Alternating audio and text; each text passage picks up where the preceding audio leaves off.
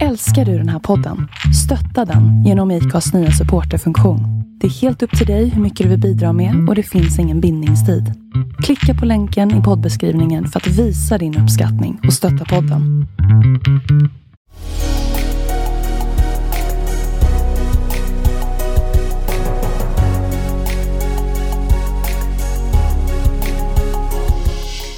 Välkomna till podden Vart är vi på väg? Med mig Jon Skoglund. Och med mig Jonathan Mellblom.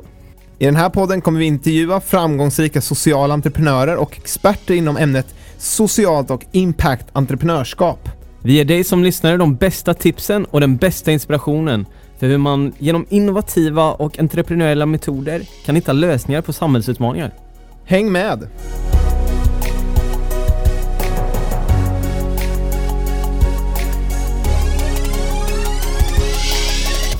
Välkommen till premiäravsnittet av podden Vart är vi på väg? Så kul att du är här och lyssnar på oss. Eh, vad säger du Jonathan?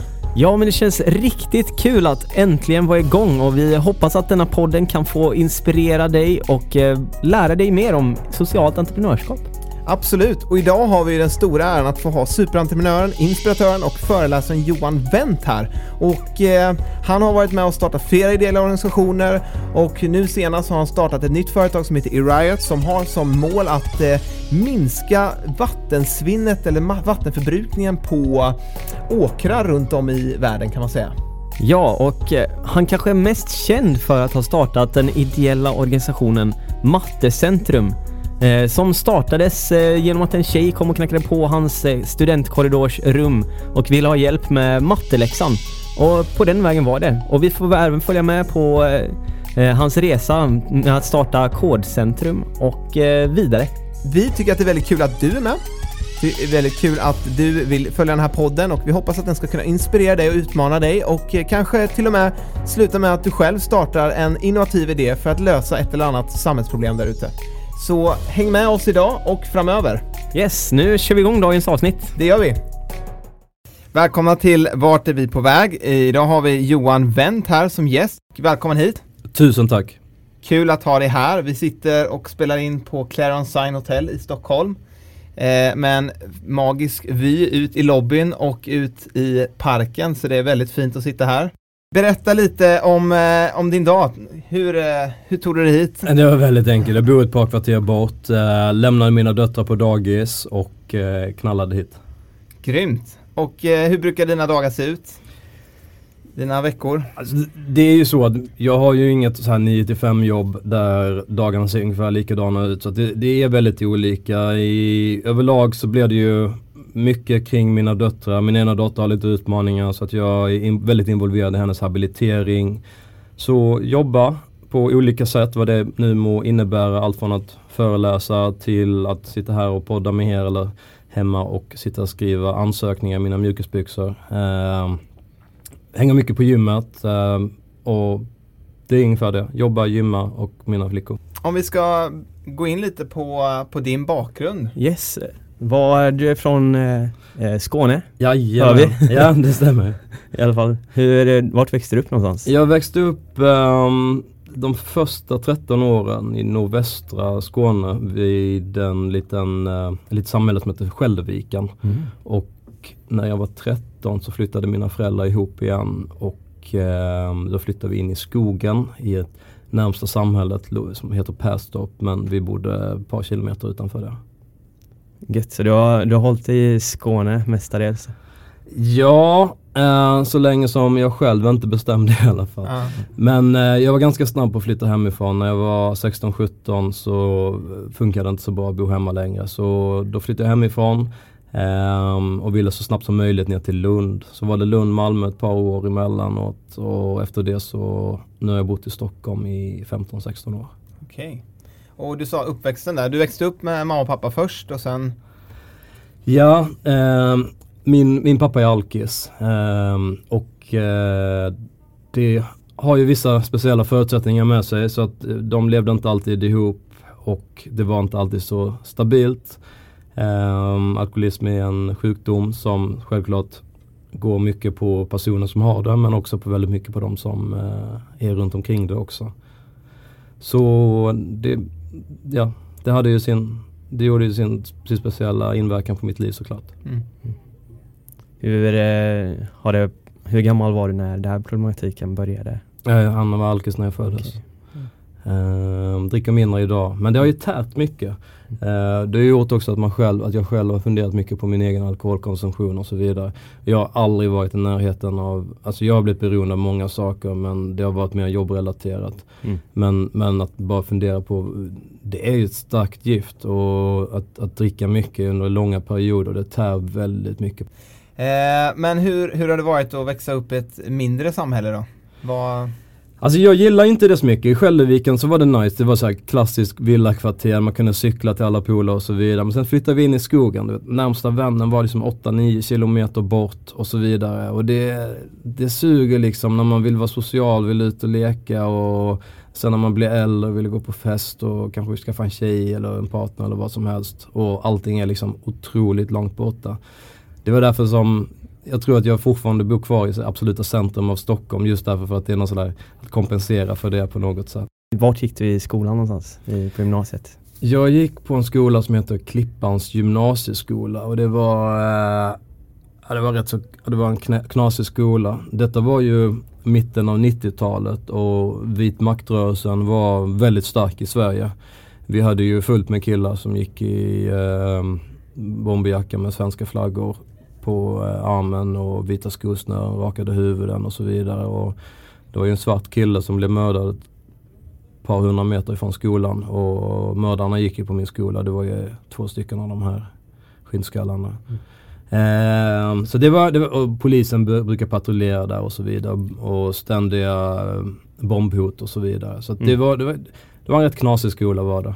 Eh, jag någonstans hade väl det bra där utifrån, men man visste, man, man, alltså det var ju, att, att det fanns skinnskallar där, det var ju ens vardag. Så man reflekterar inte så mycket över det. Det, var ju, det är klart att man tyckte att de var, att de var uh, vidriga.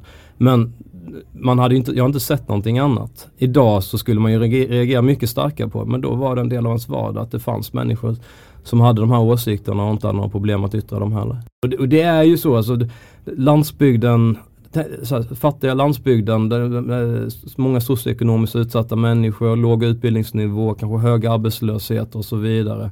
Det, det är tufft för folk där. Och där, det är inte bara liksom i miljonområdena som det är, är dålig skolmiljö. Det mm. finns lite överallt i Sverige. Hur präglade det här dig under, under den perioden? Liksom? Hur det... Jag ville ju därifrån så snabbt som möjligt. Jag ville ner till Lund min syrra hade flyttat till Lund och börjat plugga där så att jag ville ju dit. Ja, skulle du säga att ni har växt upp tight ihop eller? Ja men det har vi, det har vi, vi har varit väldigt nära varandra och det har ju knasat många gånger och då är det ju, ibland så har det bara varit hon som har förstått mig och vice versa. Mm. Så har det varit. Kan man känna att det har varit en trygghet någonstans att ha henne mitt, ja. i, mitt i situationen med, med familjen? Och, ja, ja, ja. Och, det, och hon flytt, det var ju när hon flyttade hemifrån som det inte funkar längre där hemma. Nej, Då var jag tvungen att dra också. Vad, vad var ditt favoritämne på gymnasiet? I skolan?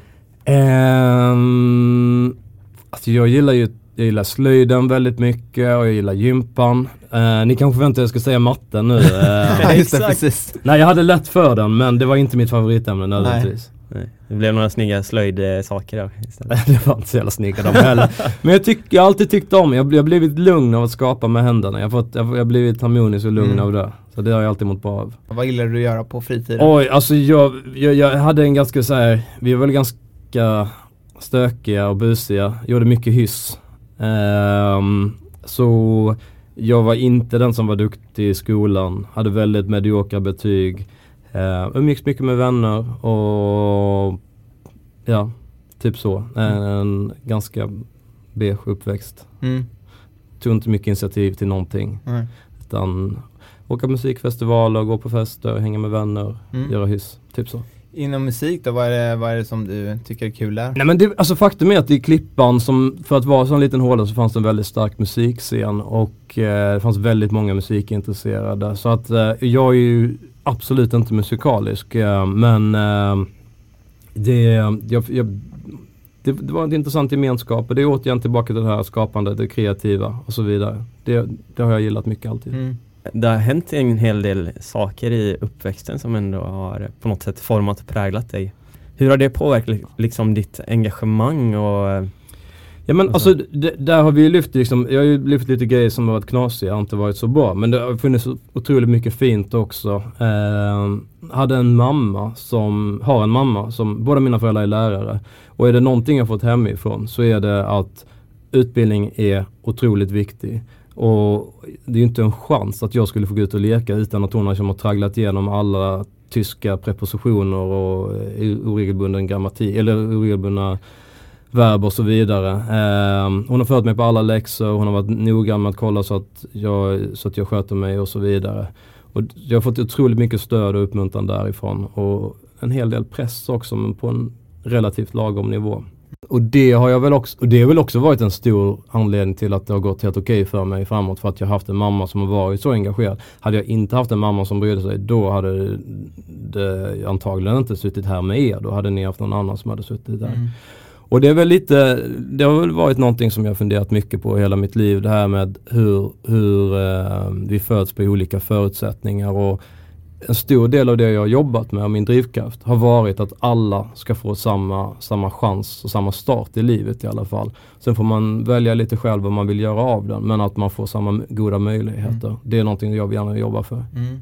Dina bedrifter här liksom har ju varit mycket kring just det du säger att, att göra det möjligt för, för människor att lära sig Absolut. saker på, på, ett, på ett sätt om man inte har de förutsättningarna i grunden. Kom de här frågorna och de här utmaningarna, har det engagerat dig från tidig ålder eller kom det liksom senare? Nej, alltså jag pluggade ju i, i Lund under, eh, läste till min civilingenjörsexamen där. Och under tiden som jag bodde i Lund så en dag så knackade på min dörr och när jag öppnade så var det ett grannbarn som var där. Och eh, hon eh, berättade att hon skulle ha matteprov om två dagar. Och hennes föräldrar kunde inte hjälpa henne, hennes syskon kunde inte hjälpa henne. Hon frågade om jag kunde plugga matte med henne inför detta. Och jag som alltid hade fått så otroligt mycket stöd av min mamma framförallt sa till henne, ja men självklart, vi sätter oss ner. Då satte vi oss ner i köket hon och jag och så pluggade vi matte. Och den kvällen gick så snabbt och jag mådde så bra av att få hjälpa henne. Så jag frågade om vi kunde göra det nästa dag också. Hon tyckte ju att jag var lite knasig som ville göra det. Men hon tackade ja till det. Sen då och då så pluggar vi matte tillsammans. Mm. Så det här handlar inte om att eh, rädda världen på något sätt utan det här handlar om att göra mig själv lycklig. Mm. Jag mådde bra av att få hjälpa henne och få känna att den tiden som jag la in där, den gav utväxling och hon lärde sig mer. Mm. Och faktum är också att mycket av matematiken ehm, man, man lär sig den i skolan, man lär sig använda den. Men det här, den djupa förståelsen, det får man först när man förklarar det för någon annan. Ja. Och så att det, var, det, var, det var intressant för mig på många olika plan. Mm. Vilken ålder kan du ha varit i då ungefär? Strax över 20 eller? Ja, där någonstans. 22, 23, där någonstans. Ja, just det. Mm. När du då fick upp ögonen för det här, hur skulle du känna, alltså vad var känslan inom dig? Var det liksom en glädje? Ja, det att var det. Här kan jag få göra någonting o, osjälviskt för en annan person. Nej, utan, utan det var ju snarare så här att, alltså här var det att jag, jag tog examen eh, i Lund och det var tuffa år för att vara civilingenjör. IT-bubblan hade precis spruckit. Ehm, det vanligaste jobbet efter examen för civilingenjör det var att jobba på ICA. Det var, det var tuffat och det var inget fel på att jobba där men då hade man inte behövt plugga i fem år för att, Mm. för att komma där, dit. Ehm, men ehm, jag hade väldigt svårt att få mitt första jobb och när jag träffade henne och ibland pluggade med hennes syskon och hennes kompisar också. Då, då kände jag ett slags existensberättigande. Jag fyllde en funktion. Och det gjorde jag inte annars. Annars så bara så handlade det om att slå ihjäl tiden och inför nästa jobbintervju. Och det gav mig väldigt mycket. Mm. Så att det, det, alltså återigen, jag skäms inte över att säga det. Jag hjälpte henne och hennes kompisar väldigt mycket av ren egoistiskt perspektiv. Mm. Det, gjorde, det gjorde mig lycklig. Mm. Det som har varit, om man säger din uppväxt, så här, har det varit saker som har varit jobbigt för dig att reflektera till på, F- på senare dagar? Eller har det varit någonting som kanske har hjälpt dig faktiskt i, i, i mycket av det du gör? Att, att ha den bakgrunden, alltså har det kunnat har det kunnat hjälpa dig att förstå människor som inte har, ja men som kommer från olika förutsättningar och från olika sammanhang? Ja, och jag menar i stora sammanhanget så har jag haft det bra ställt ändå. Jag har ju alltid haft ett tak över huvudet och varit relativt trygg hemma och så Mm. vidare. Så att ehm, jag har ju haft det, jag har varit förhållandevis privilegierad på mitt sätt. Ehm, men det är klart att man jag skulle nu snarare säga att det att mer med åldern och mer med desto, fler, desto mer erfarenhet jag får och desto fler människor jag möter så får jag större insyn i det snarare än min egen uppväxt. Utan jag träffar väldigt mycket människor, jag är väldigt nyfiken på andra människors liv och bakgrund och så vidare och då, då får man större ödmjukhet för hur livet kan börja och hur livet kan ta sig för olika människor.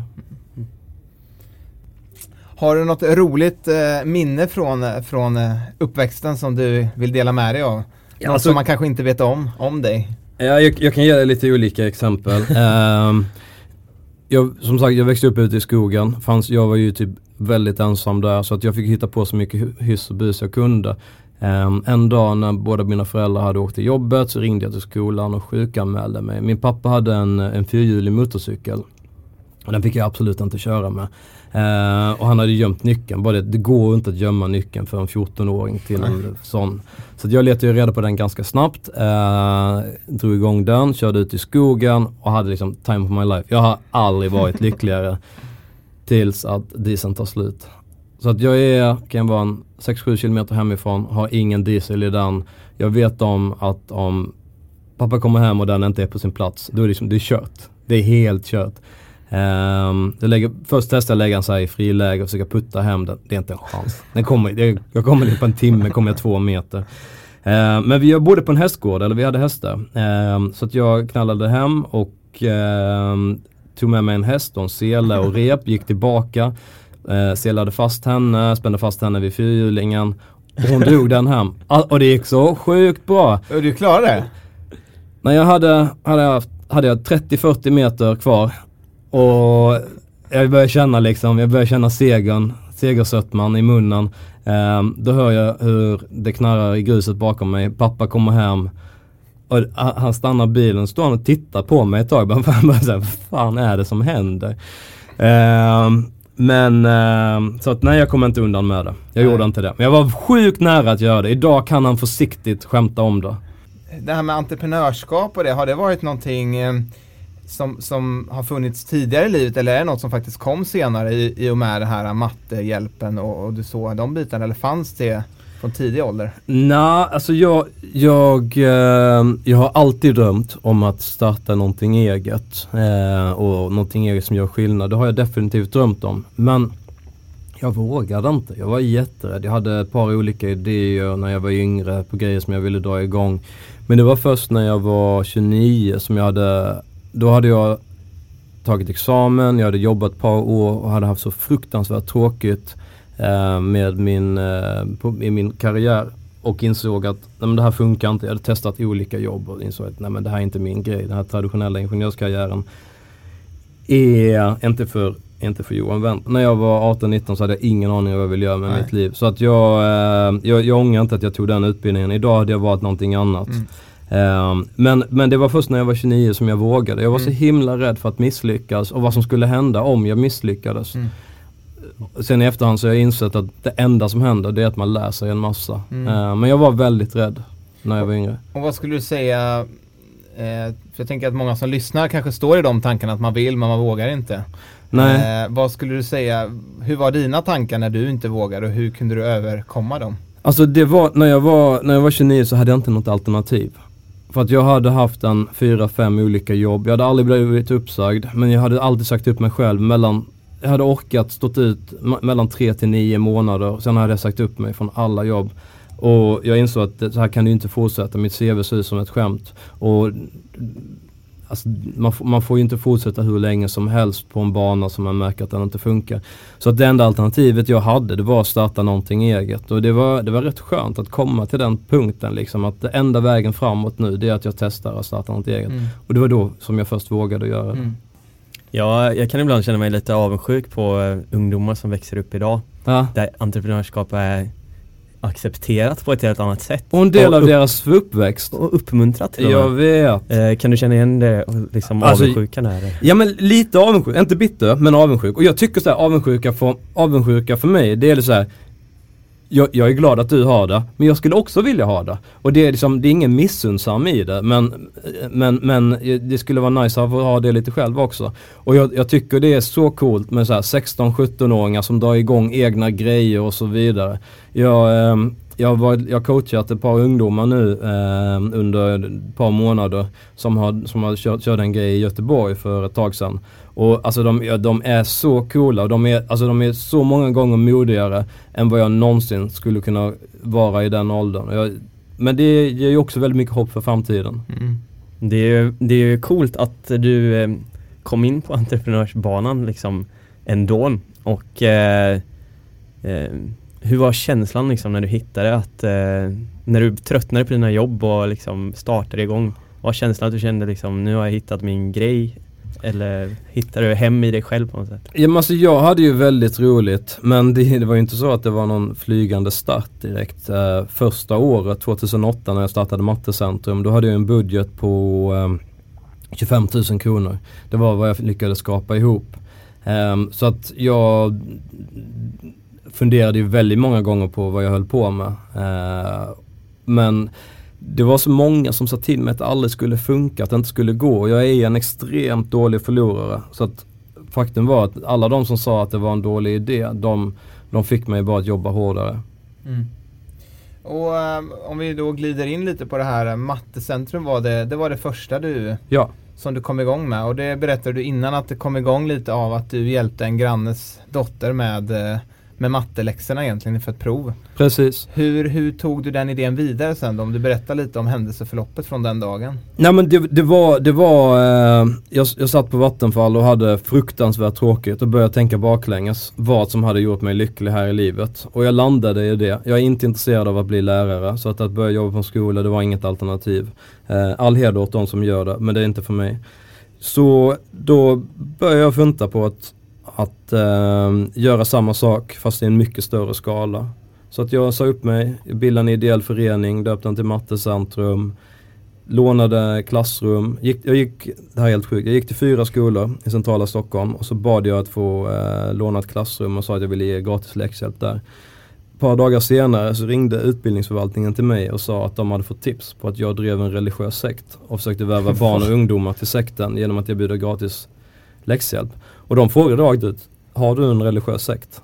Och jag bara såhär, men om jag hade en typ en hemlig religiös sekt så skulle jag aldrig berätta det liksom. Det är ju helt meningslöst att fråga det.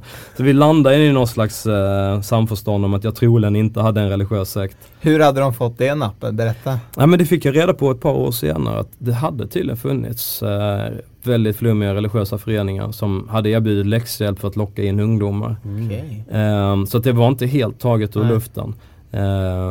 Men jag blev, var ju jättepaff och nästan liksom tyckte det var ganska komiskt när de Ja. frågade. Men jag fick låna ett klassrum, då hade jag någonstans att vara på. Gick ut i massa skolor. Eh, på rasterna så gick jag runt och pratade med kidsen och sa att jag skulle vara i det här klassrummet mellan eh, klockan fem och klockan sju.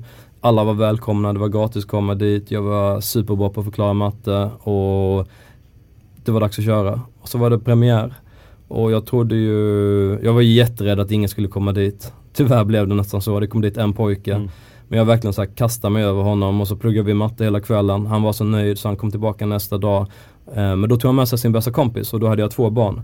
Och dag efter dag så blev kidsen fler. Efter ett tag behövde jag bli fler. Gick ut på KTH, satte upp affischer, delade ut flyers, pratade med studenter, rekryterade fler eh, volontärer, kontaktade företag, bad dem kommunicera ut till sina civilingenjörsanställda att de kunde vara volontärer. Efter ett tag så hade jag tillräckligt många i det här klassrummet måndag, tisdag, onsdag, torsdag. Så jag behövdes inte längre. Mm. Vad jag gjorde då var att jag åkte till eh, Tensta, lånade ett klassrum där. Blev inte misstänkt för att vara religiös sekt faktiskt. Skalade upp i Tensta så att inte jag behövdes längre. Åkte till Gullmarsplan. Efter det så började jag åka till andra städer, till Eskilstuna, Uppsala, Luleå, Lund, Göteborg och så vidare. Mm. Och spred över hela Sverige. Coolt alltså. Min bror faktiskt har varit med en, en av volontärerna i Nej, vad roligt ja, jag hörde det. Han berättade det när, han, när jag sa att du skulle komma hit. Ja, vad kul. Ja. Hur- Så du började här inne i, i Stockholm Mm. city liksom Precis. och sen, eh, sen Tensta. Vad var anledningen att, du, att du ville starta upp i Tensta? Nej men jag, till att börja med så var det några som hade hört talas om mig där och eh, de visade intresse och jag har alltid varit pragmatisk. Eh, jag har, velat, jag har försökt starta upp Mattecentrum där det är viktigt att det finns men också där det har varit enkelt. Så har jag haft två städer att välja mellan och det är typ sju personer från ena staden som har hört av sig och sagt att vi vill gärna vara volontär. Ja men då startar jag upp där. där det finns inga barn som är viktigare än några andra så att jag har försökt få det spridning över hela över hela landet så snabbt som möjligt och hjälpa så många som möjligt. Så det var, det var lite så att eh, det var volontärerna som till slut hör av sig till dig eller att man... Absolut, alltså eh, i början så i början så rekryterar jag och jagar mycket volontärer. Men de absolut bästa volontärerna, bästa utifrån det perspektivet att de passar in och stannar kvar längst och så vidare. Det är ju de som aktivt hör av sig. Skulle du säga, har ni något speciellt koncept som ni kör utefter eller är det mer tid, plats och så kör vi med den behovet de har som kommer eller? Ja så är det, alltså kidsen kommer ju med sina utmaningar och det är ingenting på tavlan och så vidare utan de, de kommer med exakt det de vill ha hjälp med. Uh, nu säger jag kids, det finns ju, kommer ju ibland vuxna också mm. som kommer med ja, men vuxna som pluggar in gymnasiematte och så vidare. Mm. Uh, så det är helt på elevernas villkor. Mm. Du säger, det, är ganska organ, det låter som en ganska organisk tillväxt där mm. det, det, är liksom efterfrågan som har styrt vart det har kommit till och det har blivit en stor efterfrågan egentligen också. Det har det blivit ja. och vi har ju till och med vi har ju haft, eh, vi har haft elever som har hört av sig och sagt att ja, men vi vill att ni startar upp på vår skola. Mm. Uh, och det är ju jättehäftigt men det är ju någonstans det är någonstans lite, lite chockerande att eleverna ska behöva ta tag i, mm. i detta. Mm. När det finns faktiskt folk som har betalt för att göra det. Um, men det är också anledningen till att Mattecentrum blev så stort att jag hittade en modell som var skalbar och det är ett, också ett råd som jag vill skicka med mig till så många som möjligt. Man måste hitta en modell som är skalbar. Det får inte bygga på att en person tar på sig jättemycket mm. för att då måste den personen bli fler för mm. att uh, det ska vara skalbart. Mm. Ja. Hur, eh, jag är lite nyfiken på det här med ideella sektorn och så här. Jag har själv jobbat en del här och jobbar. Eh, men eh, just med volontärer Upplever, upplever du samma sug fortfarande idag eller har du upplevt någon förändring liksom? Då var KTH-studenterna taggare men är det svårare eller är det lika lätt idag? Um, jag, är inte, jag är inte engagerad i Mattecentrum längre. Jag har lämnat det. Um, men jag tror de har precis lika lätt att hitta volontärer. Alltså, när, till exempel när jag startade upp i en ny stad, väldigt ofta sökte jag kanske hitta en tre, fyra volontärer som var bra. Men därefter så gick vi på lokalmedia stenhårt och försökte få ut det så mycket som möjligt så att så många som möjligt läste om det eller hörde om det. Och då, då fick vi ännu fler volontärer. Då fick vi de absoluta, absolut bästa. De som läs, hörde talas om det och sen sökte sig aktivt. Mm. Eh, och med liksom dra igång en ideell förening, var det, var det det självklara eller tänkte du någon annan dra igång det som ett bolag? Alltså, syftet var att det skulle vara en ideell förening. Grejen var bara att först så kunde jag inte göra det för att jag var ensam. Man måste vara tre personer för att bilda en förening. Så att jag hade väl det som en enskild firma tills att jag hade fått in två volontärer. Och när jag hade fått in två volontärer då gjorde vi om det till en ideell förening och de två hamnade i styrelsen tillsammans med mig. nice. Ja. Har du jobbat historiskt mycket med ansökningar eller sponsring eller vad har du riktat ditt fokus? Ja men alltså allting Eh, oavsett om det varit mattecentrum, kodcentrum eller Unga Autism eller Barnens Kalas. Allting som jag har grundat, det har ju varit gratis för användarna. Eh, så att då har jag fått hitta stålarna någon annanstans. Och mitt sista år med Mattecentrum så omsatte eh, föreningen runt 10 miljoner. Och de pengarna har ju kommit från olika håll men aldrig från barnen. Så att det har ju varit själva syftet att kunna nå ut till dem som inte har råd att betala för det det har ju funnits läxhjälp länge i Sverige som man har kunnat ta betalt för. Eller som man har, förlåt, som man kunnat betala för. Mm. Och jag tycker det är grymt att det finns. Jag tycker det är jättebra att man kan få göra utavdrag på det också. Men det måste finnas ett alternativ för de som inte har råd att mm. betala för det. För kollar man på statistiken så är det ju bara de kidsen som kommer från socioekonomiskt, utsatt, äh, socioekonomiskt välmående miljöer som faktiskt använder det. Mm. Inte de som behöver det absolut mest. Mm. Hur eh, en eh, en person som är sugen på att dra igång någon slags ideell förening mm -hmm. men eh, behöver pengar till verksamheten. Hur, eh, vad skulle du ge för tips på att eh, fokusera på i början? Är det liksom olika fonder man ska vända sig till? Mm. Eller ska man hitta någon bra företag, samarbetspartner? Eller? Stiftelser är ju jätte, jättebra. Ehm, det finns otroligt många stiftelser i Sverige och som eh, inte vet vad de ska göra av pengarna för de har inte tillräckligt många ansökningar. Så att, och, där, och där kan man ofta hitta väldigt här, lokalt nischade, typ så här, så invalidiserade krigsmusikanters barn i Kristianstad. Eh, ofta har de alldeles för få ansökningar de här små stiftelserna. Men de, och då sitter pengarna bara växer. Och att söka till dem, det ger väldigt mycket. Sen får man också försöka fundera på vad är kärnverksamheten i sin ideella förening och försöka hitta företag som faktiskt ligger i linjen med det. Matematik var ju den röda tråden genom Mattecentrum såklart och då vände jag mig väldigt mycket till företag som faktiskt jobbade mycket med matte eller med siffror. Typ banker, eh, ABB, eh, revisionsbyrå och så vidare. Där det, där det räknades och där det behövdes kunnat mycket matte. Och jag vet att när Danske Bank gick in som huvudsponsor till Mattecentrum så var det flera anställda som sa bara, ja men äntligen sponsrar vi någonting som ligger i linje med vad vi jobbar med. Innan dess hade de sponsrat något fotbollslag och så vidare. Och det, det fanns liksom ingen förståelse. Varför ska en bank sponsra en fotbollslag? Det fanns, fanns liksom ingen, fanns ingen stringens däremellan.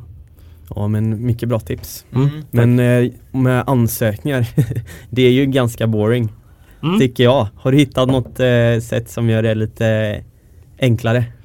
Ja, nej men alltså det, det är fett tråkigt, det är det såklart. Eh, och det värsta är ju om man lägger ner jättemycket tid på en ansökan och sen får tummen ner på den. Eh, det, det svider rätt hårt. Men vad man får göra är ju att man får ju copy-pasta. När man skrivit några stycken så kan man klippa och klistra mellan dem och kan ganska snabbt svänga ihop en. Man, man, man får liksom man måste hitta något smidigt sätt för att annars, annars kommer man inte få, det, få igenom det. Så att, och jag har alltid jobbat med en sån någon slags 95% regel. Att, att man gör någonting tills det är klart till 95%. Sen får man inte göra mer. För att de sista 5% de här för att göra det perfekt. De kostar så otroligt mycket. Du måste lägga ner de här tunga, tunga timmarna på det. Och det är liksom inte värt det. Det är bättre att man gör någonting ganska bra, good enough och sen skicka iväg det. Än att sitta och liksom få det vara helt perfekt. Då tycker jag det är bättre att man skickar iväg tio stycken som är good enough än en som är perfekt. För att den där som är perfekt den kan likväl få tummen ner och den kan försvinna och så vidare. Det där är riktigt bra tips alltså. Ja. 95% regeln. Kan man applicera på hur många grejer som helst. Eller hur? Ja. Alltså jag tycker det är Borsta väldigt... tänderna, 95% regeln. Nej men alltså det är som du säger, jag tror att det ligger mycket i det att, att ofta så är det det här du säger att man kanske inte vågar ta steget eller allting handlar mycket om det att allt måste vara perfekt innan man vågar ta ett steg, vad det än är i livet tror jag. Men det Eh, behöver inte vara det. Alltså min Precis. första logga gjorde jag i Paint. Ja. Och det- jag har sparat faktiskt affischen som, eh, min första affischen jag satte upp. Och då hade det var till och med så här, jag hade skrivit så här datum när det drog igång. Och så hade jag skrivit fel datum på affischen. Så jag har fått kryssa över det med en tuschpenna och skriva för hand Ja. så här 16 maj eller Ja. någonting. Och det funkade det med. Det Ja. behöver inte vara perfekt. Ja men det, man säger det, man ska ju våga testa och så får Ja. man se hur det utvecklar sig. Och Det är lära det här, sig. Ja, och speciellt jag tänker idag när man startar företag och många idéer liksom eftersom att världen är så förändlig. Om du sitter du för länge så hinner någon annan före eller så hinner det du ska göra inte bli relevant längre. Ja, så kanske, eller så, eller så kommer du på något annat eller får fokus på någon annanstans och så vidare. Eller kommer något annat upp i livet. Mm. Jag tror väldigt mycket på att testa och köra. Och, och då vet jag om, också har jag i bakhuvudet, att jag har ju varit jätterädd för det. Så att det är klart att när man har gjort en 7-8 gånger så är det lätt att säga det. Men det är verkligen mitt råd, att, att, bara, att bara testa och köra. Mm. Men Mattcentrum har ju fått stora upp, eh, vad säger man? Eh, uppmärksamma, uppmärksamhet Ja, i, i media och eh, bland annat så har ju The Guardian skrivit Ja. att det är, eh, ska vi se här, Sverige, eller Skandinaviens klarast lysande exempel på socialt entreprenörskap. Ja det var väldigt fint. Men det var ju det var ett par år där, eh, de två sista åren eh, innan jag lämnade som det var exceptionellt mycket medialt och vi fick Fick media över hela världen, eh, Forbes Magazine skrev Just om oss, hade flera journalister så från Brasilien som hörde av sig och jag fick föreläsningsförfrågningar från hela världen för att komma runt, åka runt och prata om det. Mm. Hur kändes det? Alltså det, det, det, kom ju, det kom ju som successivt. Och det, då, då var det så, efter ett tag så blev det så självklart liksom. I början så var det ju otroligt coolt verkligen och jag, jag fick ju kämpa, jag kommer ihåg när vi fick in vår första så här, vår första eh, artikel i någon lokaltidning här i Stockholm så här mitt i, mitt i Vasastan och sånt, tyckte det var fett stort. Mm. Men sen, sen växte det hela tiden och man, man började liksom vänja sig vid den här uppmärksamheten. Ehm, så att det, det, var, det var coolt men, Mm. men det var också, efter ett tag så blev man lite bortskämd faktiskt. Mm. Har det här spridit sig också internationellt, konceptet? Har du hört om, om liknande exempel efter det ni har gjort? Alltså egentligen, om jag ska vara helt ärlig, så är det ju ingenting nytt i detta. Att, utan att man samlar volontärer och utför Mm. en gärning som någon behöver. Så det finns egentligen Mm. inget nytt i det. Utan det, det, som, det som var nytt i det någonstans, det var bara att, att, att vi började jobba med liksom lite mer aggressiva metoder om att kommunicera ut i sociala me- medier och så vidare. Mm. Ehm, så att till exempel så här, jag, jag gjorde någonting som jag kallar för kändismatte. Jag började spela in så här, olika kändisar, fick spela in mattetal. Mm. Vissa väldigt eh, underhållande, eh, väldigt få som var väldigt så här, matematiskt korrekta. Men, men kidsen tyckte de var skitkul och så Mm. la jag ut dem på Youtube och sen så fick vi liksom 100 000 visningar på den och så och sen så, så avslutas det med att vill du lära dig mer matte, gå in på mattecentrum.se. Att vi jobbade på det här Mm. sättet ehm, för, att, för att sprida kunskapen eller existensen om Mattecentrum till riksdagen så jag samlade ihop e-postadressen till alla satt i Sveriges riksdag och så gjorde jag ett massutskick där jag skrev så här, hej riksdagsledamot kan du lösa den här ekvationen? Och så skrev jag en ganska snäll ekvation. Om du kan lösa den får du jättegärna komma som gästvolontär vid ett tillfälle till Mattecentrum. Mm. Men om du inte kan lösa den får du jättegärna komma som elev. Alla är Mm. välkomna. Och alla partier utom ett i Sveriges riksdag då kom ut som volontär, ingen kom Mm. som elev. Och det gjorde att jag fick ju, jag lärde känna minst en riksdagsledamot i varje parti nästan Mm. och hade en dörr till varje parti i riksdagen. Ja. Och det, det var många sådana saker som har gjort, det var snarare det som varit det innovativa. Ja. Att det faktum att, att hela det här grejen med att jobba med volontärer och ge läxhjälp, det är ingenting nytt. Nej. Men för att svara på din fråga, ja det har spridit sig. Vi, jag startade upp Mattecentrum i Danmark också. Mm. Där heter det då Matematikcenter och det betyder Mattecentrum på danska. Ehm, men, eh, och där är det ungefär lika stort som det är i Sverige. Ja. Men eh, jättekul att höra och det här med att ni spelar in kändisar. Är det något speciellt minne du har därifrån med någon, med någon rolig? Ja, alltså om, om, vad man borde göra det, gå in och kolla på Dogge Doggeliten och han räknar matte. Alltså eh, jag var så glad, han var den första kändisen som ställde upp och jag var så glad när vi skulle göra det och sen så det var fullständigt fiasko. Jag tänkte, där kan vi inte göra någonting av det. Eh, killen som eh, filmade och klippte det, han skickade en länk. Jag bara så här, det här kommer ju Dogge aldrig godkänna. För att alltså, det ser liksom inte bra ut. Men så skickade jag det till Dogge och Dogge svarade bara Shit, jag ser ut som ett geni. Jag bara, well, okej. Så, och det, det blev jätteroligt. Andra så, eh, Gudrun Schyman var riktigt tung. Det var, jag vet inte om ni kommer ihåg, men hon eldrade upp eh, 100 000 i. Almedalen. Ja. Eh, ett par veckor senare så frågade jag henne om hon kunde spela in en video där hon eh, räknade på hur mycket värme som utvecklas när man eldar upp 100 000. och alltså hon, vi var på ett jättestökigt café. Eh, hon har precis suttit i en intervju, skulle rusa in i en annan intervju. Hon bara ställer sig upp, drar på myggan, river av detta. Alltså man, man, kan man behöver inte hålla med guden om hennes eh, politiska agenda men alltså det är en cool kvinna, det är det Verkligen. verkligen. Och hon är en grym kommunikatör. Och jag gav liksom henne ett mattetal. Mitt i detta, hon, börjar, hon bara öser ut sitt politiska budskap. En fantastisk kommunikatör är hon. Så att hon är, det, hon är cool, jag har respekt för henne. Eh, sen inte därmed sagt att jag håller med om allting hon tycker politiskt. Nej. Men eh, skulle du säga att, eller du var ju inne på det här att ni gjorde det som kanske andra eldsjälar och sådana här goda initiativ kanske historiskt sett inte har gjort så mycket. Man, det Nej. fastnar mycket där man är, man skalar det inte utan man, man gör en väldigt bra grej som för, för omgivningen är fantastiskt och det finns ju väldigt många sådana eldsjälar runt om i Sverige och runt om i världen egentligen. Ja. Men det ni gjorde var egentligen marknadsföringen, brandingen. Ja. Eh, att liksom lyckas få ut det. Eh, har du några konkreta tips hur faktiskt de här eldsjälarna som kanske är väldigt duktiga på sitt ämne eller väldigt drivande i sin sakfråga kan, kan bli bättre på att få ut det till den stora massan? Ja men alltså att jobba med dels med traditionell media och dels med social media och försöka hitta saker som är gångbara i eh, traditionell media. Och i början så kunde jag ju kommunicera ut i, i vanlig media att, att, om vår blotta existens. Men efter ett tag så är inte det intressant längre. Men om någon av er klättrar upp redan katt idag i ett träd, då kommer ni vara veckans hjälte i Aftonbladet. Gör ni det imorgon så bryr sig inte Aftonbladet för att det, det gjorde ni igår också ju. Och det är just det, efter ett tag så måste man börja skapa lite nyheter. Så att Mm. jag, jag gjorde många olika grejer. Så här, efter tre år så ehm, så satte jag upp eh, två jättefeta tält över Sergels torg och fyllde det med 400 ungar och pluggade matte med dem dagen innan nationella provet i matte. Vi kallar det matte på plattan. Dogge var faktiskt och rappade eh, när vi drog igång det. Ehm, och eh, det fick vi största, ärligt talat, det är som en vanlig räknestuga, bara mycket fetare.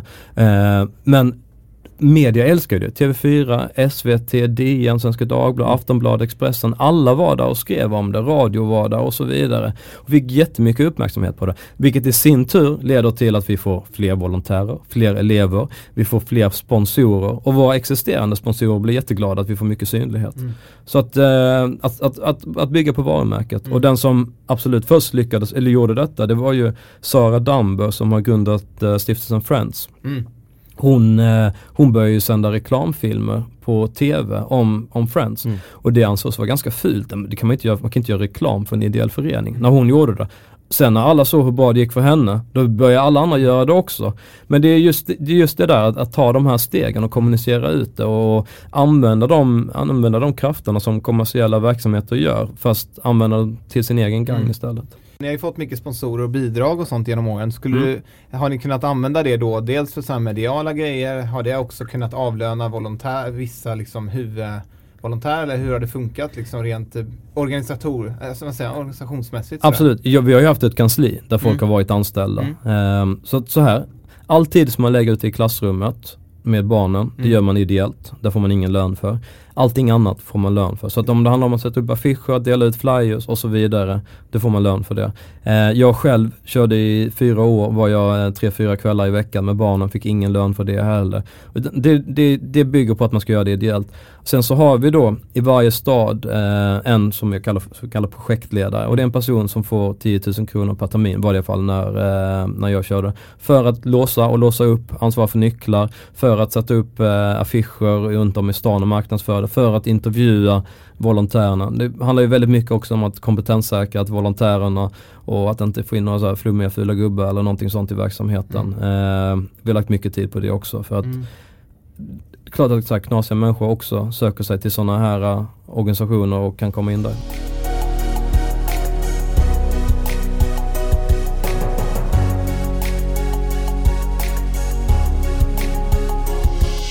Tänkte på, eh, vi hör ju mycket om alla dina succéer här nu. Och eh, hyllningar här och hyllningar där. Om jag har failat med någonting? Har du, har du något så här som du har verkligen eh, testat men nej det gick inte? Ja men absolut, det, alltså det kan vara massor med olika grejer.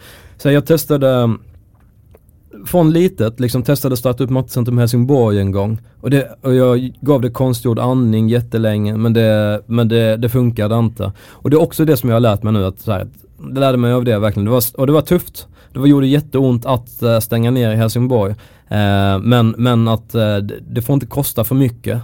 Om det inte är enkelt, då får man göra det. Då, då drog jag liksom någon annanstans och startade upp det där istället.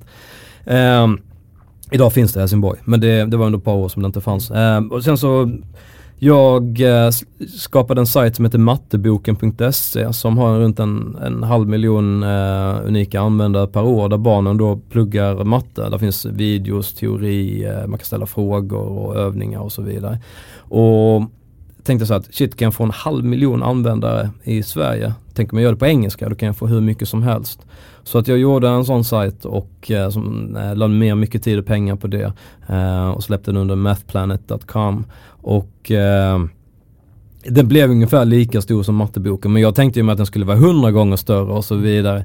Det var inte lika lätt att eh, slå igenom på den marknaden. Eh, så att jag släppte, jag släppte ett par böcker i Sverige. Ena boken köpte vi loss rättigheterna från förlaget till, jag och min medförfattare. Och så skulle vi ge ut den själva i USA. Ja, det, jag har rätt många ex kvar av den i, på vinden kan jag säga. Eh, så det gick inte så bra det heller. Mm. Så att eh, det är klart att jag har testat jättemycket. Mm. Och det, det skäms jag inte över att säga att, att, att allting jag tar i blir inte jättebra. Mm. Du grundade ju 2015 där. Jag har ju lyssnat lite på dig och läst lite om, om bakgrunden till det här kodcentrum som du grundade. Mm. Det var någon, var det någon, om jag förstår någon forskning, någon ut, Eh, vad ska man säga, någon utvärdering som hade gjorts där man såg att det fanns allt för lite eh, programmerare egentligen. Mm, så här var det, det var faktiskt var det var 2013 var det och jag läste att eh, det var någon rapport eller någonting från EU-kommissionen att eh, år 2020 så skulle vi sakna ungefär en miljon kodare i Europa. Och det är ju någonting som är fundamentalt fel när företagen vill anställa, de unga människorna vill ha jobb men det matchar inte. Och att vi vi eh, inte utbildar våra, våra, våra yngsta i programmering. Och det är så här, alla kids behöver inte lära sig programmera men jag tycker att alla kids ska få chansen att upptäcka att det kan vara kul och intressant och det kan vara en framtida karriär. De allra flesta eh, programmerarna i Sverige, de ser ut ungefär som vi tre gör. Vi är vita, vi är män. Eh, och jag ville någonstans bryta det mönstret. Så att jag startade Kodcentrum med en väldigt stark ambition av att eh, framförallt skapa fler tjejer som blir kodare och eh, fler utlandsfödda. Mm. Eller i alla fall med kids med eh, bakgrund i andra länder. Och hur, hur är liksom, hur är upplägget då? Om man vill vara med i Kodcentrum, hur funkar det här då? I princip likadant som Mattecentrum. Låna klassrum av skolor, eh, finns datorer där, det finns kodstugor. Eh, jobbar med volontärer. Vi ser till att ungefär hälften av alla volontärerna har, är tjejer. Eh, har sponsorer och så vidare. Mm. Så det är egentligen copy-paste på upplägget fast ja. en annan, ett annat ämne bara helt enkelt? Precis, nu tror jag att de har eh, de sista nu har inte jag varit involverad på, på en två år i alla fall men jag tror de har tweakat det lite och jobbar väldigt mycket mot eh, kompetenshöja lärare också. Mm. Eh, men jag försöker så att hålla mig lite borta därifrån. Mm. På de åren som har funnits nu eller de åren du var aktiv vad, vad, vad, kunde ni se mätbara liksom i, i, ja, i, i, antal personer som gick igenom det och som faktiskt fick en Alltså under mina år så växte det i raketfart. Mm. Både omsättning men även hur många vi nådde ut till. Mm. Um, och uh, man kan ju se på samhällsnivå att uh, matteresultaten har svängt. Både i Stockholms stad men även över landet. Um, och det, det var lite sött att se när de resultaten kom för att uh, både Jan Björklund och Gustav Fridolin tävlade om att försöka ta på sig ansvaret mm. för att mattekunskaperna hade ökat. Um, att jag och alla volontärer hade eh, gett gratis läxhjälp till ungefär hälften av alla barn i Sverige det var ingenting som de ville beröra. Nej, just det. Uh, men jag tror definitivt att alla de volontärer som varit ute och kämpat och slitit med kidsen runt om i Sverige, att de har bidragit väldigt starkt till att mattekunskaperna har ökat i landet. Mm. Stor eloge till dem alltså. Ja, eller hur? Ja. Och det är ju så, det är ju lite orättvist att jag har fått, jag har liksom fått uh, all cred för Mattecentrum, men de som verkligen är hjältar, det är ju de här, det är de här tusentals uh, killarna och tjejerna runt om i landet som varje vecka går ut och kämpar med barnen. Mm. Och det enda de får är liksom kanske ett leende tillbaka. Mm. Och de fortsätter kämpa och kämpa det är ju de som är de verkliga hjältarna i Mattecentrum. Mm. Du har ju skrivit lite böcker också. Du var ju nyss inne på att du hade skrivit då matte, vad var det den hette? Första boken eh, heter Den dummaste jävla idé jag någonsin hört. Precis. Och det var ju en... Eh, Berätta om den. Ja, alltså jag gjorde, när jag startade Mattecentrum så gjorde jag en lista på tusen företag, eh, bokstavligt talat tusen företag som jag ringde från A till Ö. Och jag var ju sjukt dålig pitcha på den tiden men eh, jag fick ju träna. Så ringde jag och sa bara, hej jag heter Johan, jag har en dröm om att bygga upp en ideell förening där alla barn skulle kunna få gratis läxhjälp i matte. Vill ni vara med och sponsra det? Och de flesta sa ju bara, ja men det var en söt tanke Johan, eh, men tyvärr vi kan inte engagera oss. Och sen så fick jag prata med en farbror ehm, och eh, han, eh, han lyssnade på min pitch och jag tänkte oj, för de flesta avbröt mig liksom. Men han lyssnade på min pitch och så var han tyst ett tag så sa han, du det här var nog den dummaste jävla idé jag någonsin hört. Och det gick så här dunk som en pil rakt in i hjärtat. Att en av mina tilltänkta finansiärer sågade fullständigt. Vad han menade var att eh, företagen betalar redan skatt och därför till eh, staten och därför mm. så ska det här funka ändå. Mm. Um, och jag anser att ibland får man vara realpolitisk och inse att det räcker inte utan vi får göra andra insatser och testa på andra vägar. Och, men det som är kul är att det företaget idag faktiskt uh, är, i alla fall, jag vet inte om de är fortfarande, men jag fick in dem som sponsorer till mm. slut. Men det tog ett par år och mm. det var inte han som tog beslutet. Mm. Så att i alla fall, det var första boken, ja, hette så. Och den, det är någon slags dagbok eller en guide till hur jag byggde upp Mattecentrum lite steg för steg. Ja. Var idén kom ifrån, hur jag jobbade, hur jag gjorde, hur vi nådde ut och så vidare. Eh, den behöver man absolut inte köpa, den kan man låna på många bibliotek. Finns som ljudbok också om man inte vill. Mm palla läsa den. Efter det så har jag eh, Bonniers hörde av sig och frågade om inte jag ville skriva barnböcker eh, om programmering. Och jag frågade så här, ska det vara liksom ett läromedel eller ska det vara övningshäfte? Vad ska det vara? Bara, bara, välj själv. och då så, en av mina, mina polare, Tor Moström, en väldigt nära vän, han är en av Sveriges främsta programmerare och fått jättemycket priser. Han är riktigt tung verkligen. Eh, jag sa till honom att vi måste luncha för jag har en ball grej. Och då sa jag till honom så här, jag har fått ett erbjudande, jag har ingen aning om vad jag ska skriva om eller vad vi ska göra, vad tänker du? Och då sa han liksom det här att alla, all läromedel, all litteratur om programmering som behövs, det finns redan. Um, det viktigaste det är att lära barnen att tänka, eller förstå hur man tänker som en programmerare. Att lära sig att ta ett stort problem och bryta ner det. Typ att du ska programmera någonting jätteavancerat och kunna bryta ner det i mindre delar och lösa dem. Och så berättar han om en pedagogik um, som höll på att växa till sig i USA, blev väldigt stark, som heter computational thinking. På svenska så har det det extremt spännande namnet datalogiskt tänkande. och i alla fall, så vi bestämde oss för att skriva en grafisk roman där man då får följa en uh, seriehjälte som heter Curly Bracket på ett äventyr där hon då stöter på massor med olika utmaningar och problem som hon löser med datalogiskt tänkande. Jag lovar, det är mycket ballare än vad det låter som. Eh, och kidsen älskar det. Nu kommer snart den tredje och sista boken ut. Ja. Och att det var en, eh, en kvinna då, eller en tjej, var det också medvetet för att lyfta, ja. lyfta tjejerna in i branschen ännu mer då? Bonniers, eh, folket på Bonniers sa att det måste vara en kille, annars kommer vi sälja mindre. Eh, men det är återigen, vi vill inte förstärka den existerande mm. normen som finns. Så att vi ville ha en tjej och sen i slutändan så fick vi jättemycket cred för att vi faktiskt hade valt en tjej. Så mm. Mm. Du, eh, du föreläser ju väldigt mycket också. Det är kanske ja. det du spenderar mycket av tid idag med? Ja, en när del. När kom du in på det? Um, ja, men det, när, jag, när Mattecentrum började synas mer och mer så började jag bli tillfrågad om att uh, komma ut och föreläsa mm. om det och berätta om det. Och det var någonting som man också växte in i liksom från en, som så publik på åtta personer till att uh, betydligt många fler. Mm. Så att det, det, blev mer och mer bara. Mm. Och uh, vad, vad är dina nyckel, alltså vad är det du pratar om? Du har några olika upplägg som jag förstått det. Ja men eh, antingen, det beror ju på lite vad de vill höra om men jag har ju om det är, om, om det är något som kretsar kring mina verksamheter så har jag liksom en berättelse. Och det är ju det som jag gör, jag går upp och berättar, berättar en, en historia om hur det gick från idé till handling och mm. till, till, verksamhet. Mm. Eh, vilka utmaningar jag hade, vilka framgångsnycklar jag hade och så vidare. Sen mm. är jag ute också mycket och kör för kids och pratar om datalogiskt tänkande mm. och om curly bracket. Det blir mycket på bibliotek som hyr in mig för det. Mm. Och uh, du har ju också utnämnts till en superkommunikatör och uh, ja, men, fått väldigt fina ord om dig kring detta. Vad, hur tänker du kring kommunikation, retorik, presentationstekniker? Um, nej, men jag, jag tror att vad man än tycker är roligt, om man tycker någonting är kul, då gör man ett bra jobb också. Jag har tyckt att det varit förbaskat kul att, uh, att föreläsa. Mm. Det är ju det är något sånt enormt bekräftelsebehov man har att vilja stå på scen mm. och att alla ska titta på en och så mm. vidare. Och jag blir lycklig av det. Jag tycker det är kul och jag tycker det är härligt att få, få feedbacken och kärleken efteråt och så vidare.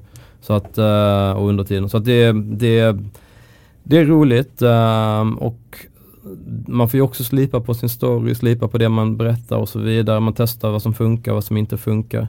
Så att det är mycket erfarenhet. Men man får fundera, när man överhuvudtaget när det kommer till kommunikation så får man ju fundera på formatet. Om det, är, om det är att stå på scen, om det är att prata med eh, eller hitta någonting som ska funka i traditionell media eller någonting som ska man vill få mycket klick och delningar på, på social media, mycket interaktioner. Mm. Det, allting handlar om formatet. Mm. Jag tänker kring det här med samhällsförändring. Det driv, du drivs ju av det, det märker vi, det hör vi ju tydligt och förstår. Eh, det drivs vi också av.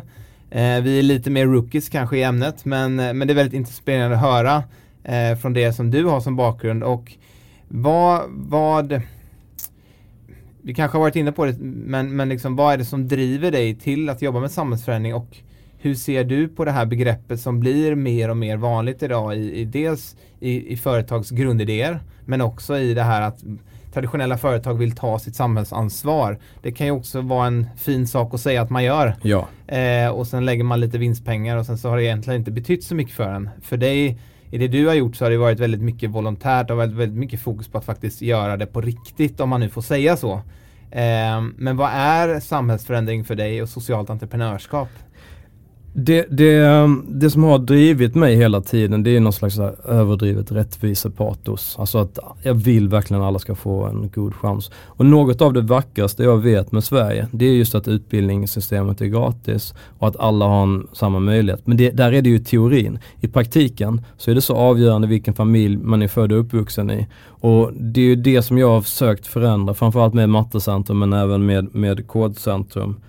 Um, men vad som är socialt entreprenörskap för mig, det är att det räcker liksom inte med att göra någonting bra. Man måste, man, man måste skala upp det också. Om man inte gör det, då har man inte gjort någon förändring och det är det som jag tror på väldigt mycket, att, att göra samhällsförändringen. Jag har inte varit intresserad av att jobba på individnivå utan jag ville jobba på samhällsnivå verkligen och förändra samhällets eh, syn eller samhällets påverkan eller någonting, någonting större i alla fall.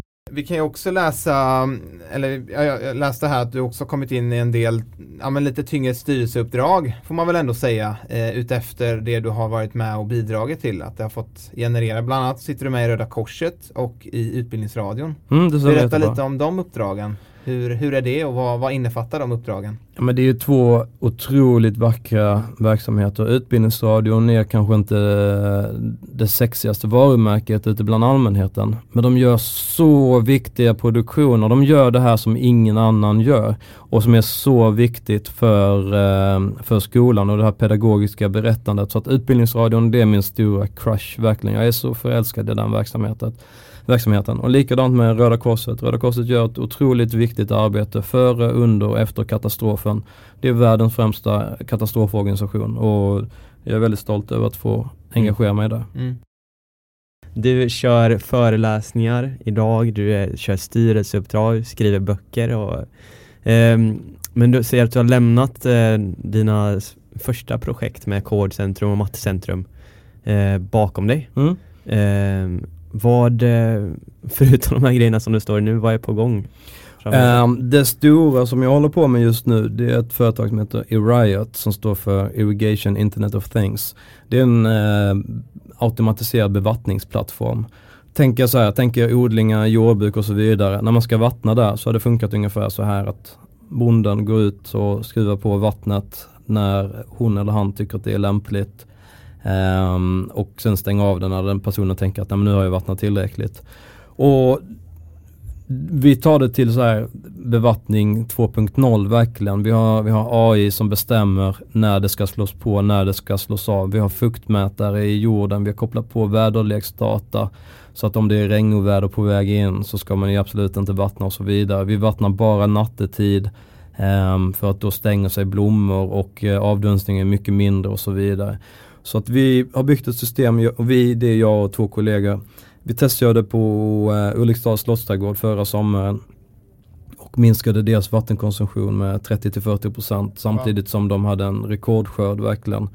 Um, nu i år så ska vi köra prototyp 2.0 på fem olika platser runt om i Sverige. Bland annat Bergianska trädgården ska vi automatisera all bevattning på.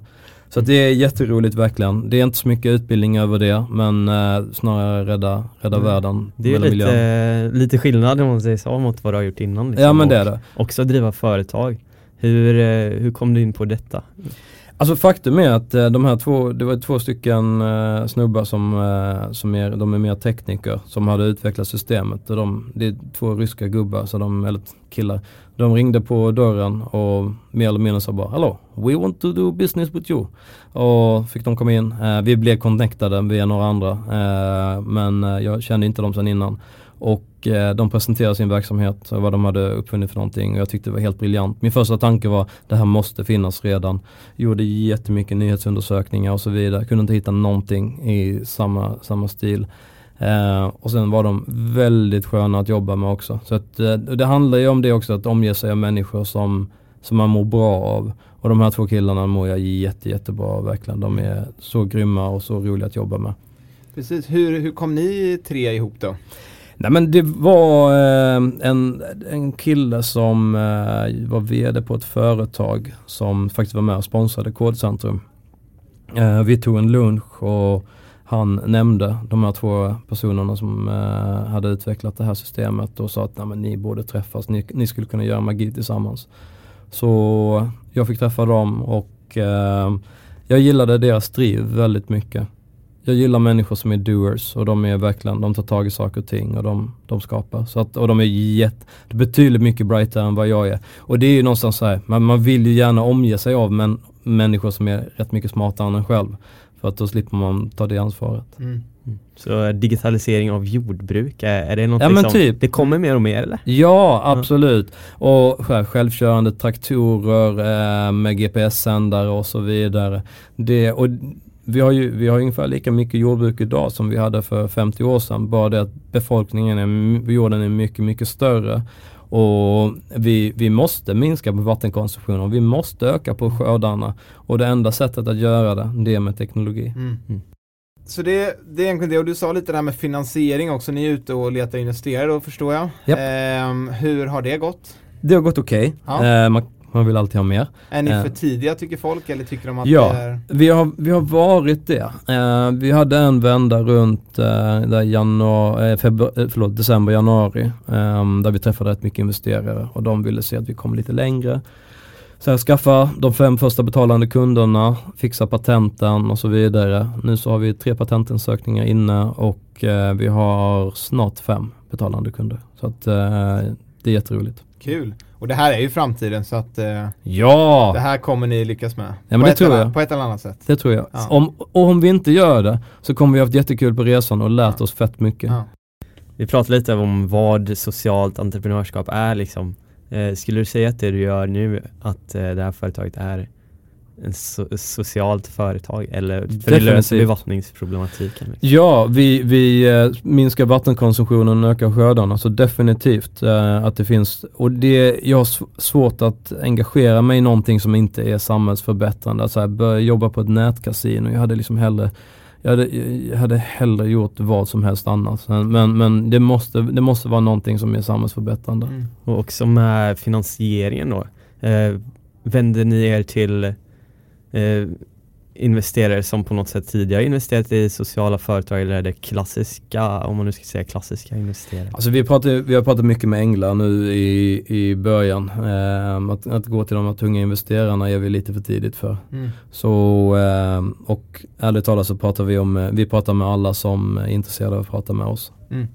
Det är väl det man måste göra början, man måste skjuta där man har möjlighet. Ja, beggars can't Och- be choosers. precis. Lite även där kanske testa, få in det man kan få in Ja. och, och bygga vidare kanske. Mm. Om vi börjar runda av lite, hur tror du att eh, världen ser ut om tio år då? Vad tror du har hänt inom, inom de här eh, samhällsförändringen och utmaningarna vi står inför? Vad, vad tror du har skapats för möjligheter och för lösningar på problem och vart tror du att vi behöver satsa fram, kommande tio åren då för att vara där? Eh, alltså världen blir bara mindre och mindre och rörligheten ökar och så vidare. Eh, en sak som jag tänker på att vi måste satsa på det är att vi har, vi har satsat väldigt mycket på, eh, på, på utbildning och så vidare. Men jag tror att vi måste satsa väl, mer och mer på att lära oss att leva, att lära oss leva väl.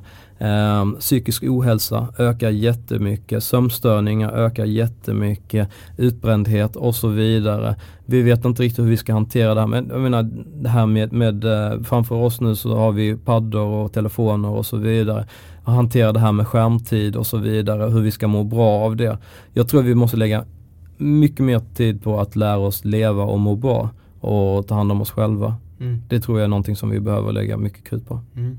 Så du, är du optimist om man ser på en eh, tioårshorisont eller pessimist? Tror du att världen kommer att se bättre ut? Eller? Jag tror bättre. Alltså jag, jag har levt i ungefär 40 år nu och eh, jag kommer ihåg när jag var liten så när jag var 8-9 då, så här, då visste vi att jorden skulle gå under för att ozonlagret höll på att försvinna helt och hållet.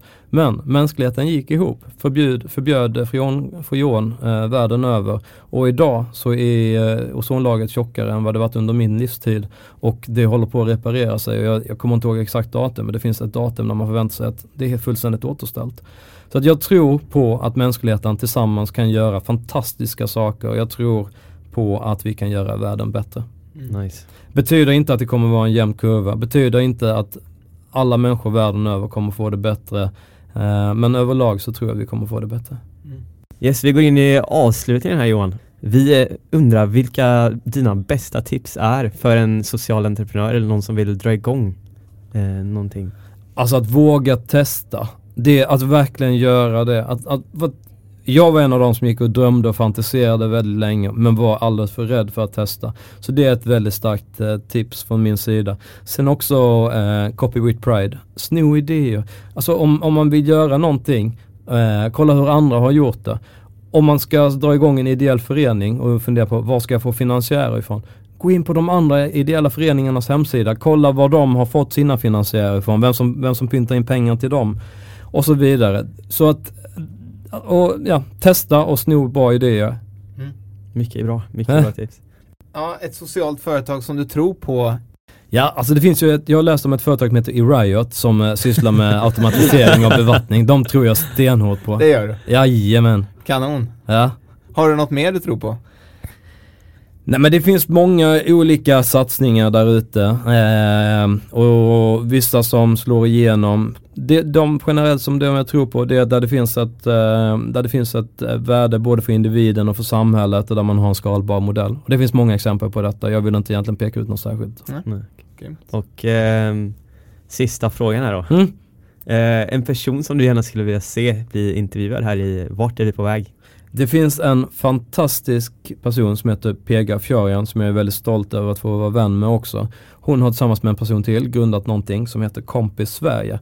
Vad de gör är att eh, nyanlända svenskar matchas med etablerade svenskar beroende på olika kriterier, till exempel vad man får intresse eller hur gammal man är och så vidare. Och så skapar de vänskap.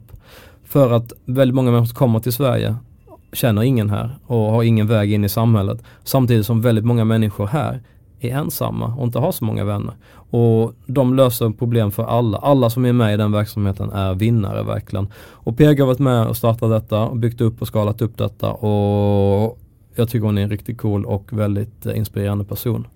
Kul att höra. Då får vi eh, kanske kunna lösa en, en bra kontakt där. Ja, men jag kan introducera er. Grymt. Det Det, låter som en väldigt bra engagemang som de gör. Ja. Kul. Men då eh, tackar vi så Yes. mycket. Tack så mycket Johan Wendt för att du kom till podden Vart är vi på väg? Och eh, tack för alla tips du har gett oss och eh, andra där ute. Tack för möjligheten.